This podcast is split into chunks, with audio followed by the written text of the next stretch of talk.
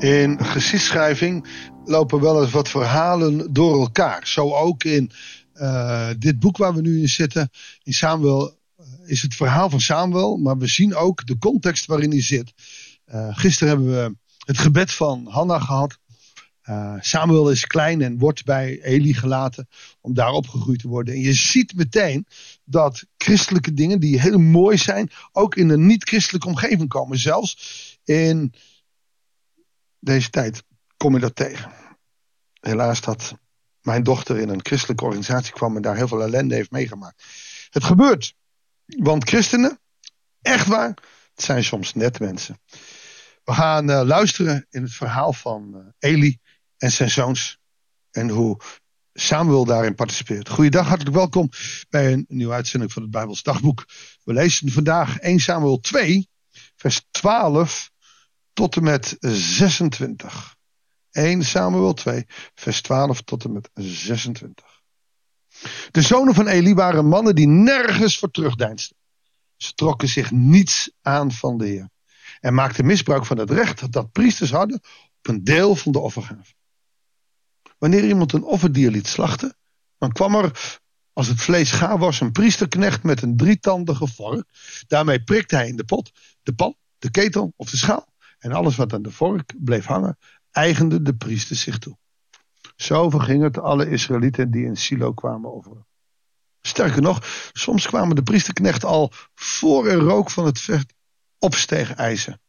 Het, vet geeft meestal rook en dat is dat offer, de rook, dat offeren aan, aan God.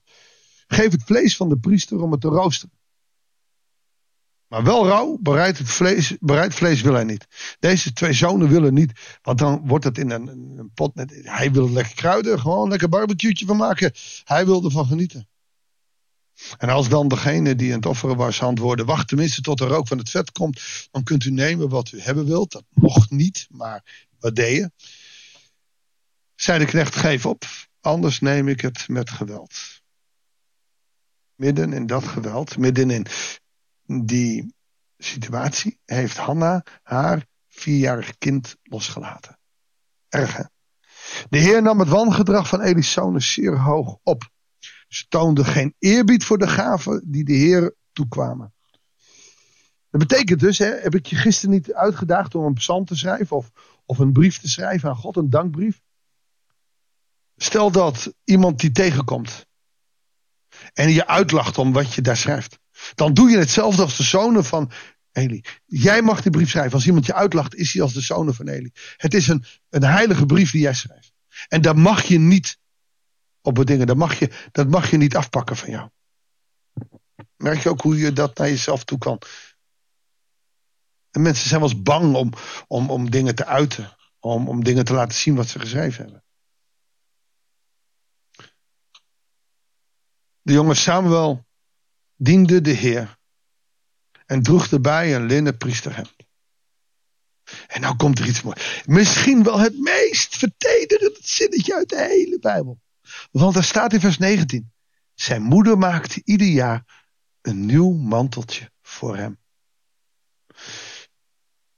Dit is niet zomaar een moeder die even een kledingstuk maakt. Dat is een moeder die hem kleedt. Dit doet me denken aan hoe God Adam en Eva dierenvellen gaf om zich daarmee te kleden. Dat is in het Oude Testament ongelooflijk belangrijk. Je wordt gezien en je wordt gekleed. Een mantel die je over je priesterhemd kan doen. Ik voor me dat aan het eind van het jaar bijna dat manteltje te klein wordt. Maar hij weet, mama komt en dan krijg ik een nieuwe mantel. Er zit ook hoop in. En verbondenheid. En dat bracht ze telkens mee als ze een jaarlijks offer kwamen brengen. Mama zag Samuel, Hanna zag Samuel maar één keer per jaar. Eli zegende Elkana en zijn vrouw met de woorden: Mogen de Heer u bij deze vrouw nog andere kinderen geven in plaats van de jongen die ze aan de Heer heeft afgestaan. Mooi hè? Nu is het niet Elkana, nu is het niet Hanna, maar het is Eli. Eli heeft wel twee slechte zonen, maar zelf is hij nog wel bij de pinken. Hij wordt oud, maar heeft God nog wel hoog in het vaandel. Daarna gingen Elkana en zijn vrouw weer naar huis. De heer zag inderdaad naar Hanna om. Ze werd opnieuw zwanger en baarde nog vijf kinderen. Drie zonen en twee dochters. Terwijl de jonge Samuel dicht bij de heer opgroeide. Hier dus even dat tussenstuk, 18 tot en met 21. Uh, gaat weer even over Samuel. Dit hele boek gaat over Samuel. Uh, midden in, in die tijd waar je gekomen is, dus ook in de tijd van de Bijbel, is het niet allemaal pijs en vrede, niet allemaal halleluja, hands up. Maar is er ook verdriet, pijn en moeite. Zelfs bij de priesters. Want het zijn net mensen. Ik, hoor mensen wel eens zeggen: ja, die kerk, nou, en dan ben ik bij de kerk en een hoop ellende. Ja. De kerk bestaat ook uit mensen. Die allemaal een andere mening hebben. En ja, dat wordt heel gauw of heel vaak oorlog. Het gebeurt gewoon. Vind ik het leuk? Nee, ik vind het absoluut niet kunnen binnen de kerk. En het is ook zeker geen getuigenis naar buiten, maar het gebeurt. Want we zijn allemaal mensen. We gaan die wereld voor in. Inmiddels was Eli op hoge leeftijd gekomen. Van tijd tot tijd bereikte hem geruchten over wat zijn zonen, de Israëlieten, allemaal aandeden. Dat ze zelfs sliepen met de vrouwen die dienst deden bij de ingang van de ontmoetingstent. Dat mochten ze niet. Ze moesten heilig leven. Nou, alles wat ze doen staat veraf van dat heilig leven. Dat geldt ook voor ons. Wij moeten ook heilig leven. Wij mogen dan wel trouwen, maar je mag bijvoorbeeld niet vreemd gaan. Je doet het niet zomaar even met iemand die je tegenkomt. Dat is hoererij. En je wil geen hoererij zomaar in het leven roepen. En als je zegt, alles wat ik heb is voor de Heer, maar stiekem hou je het voor jezelf onder. Nou, lees dan het verhaal van Ananias en Sapphira nog maar.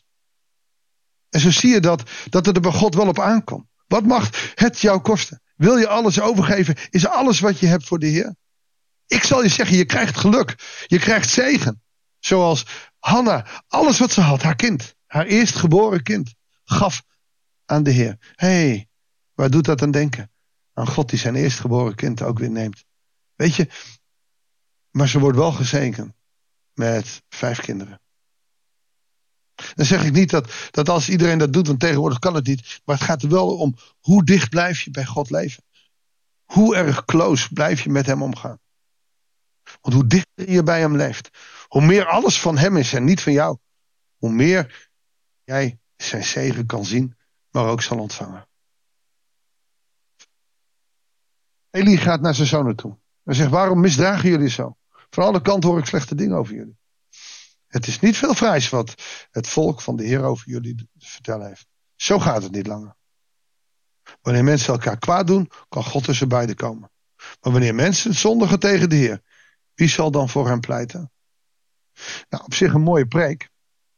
Maar Eli doet verder geen.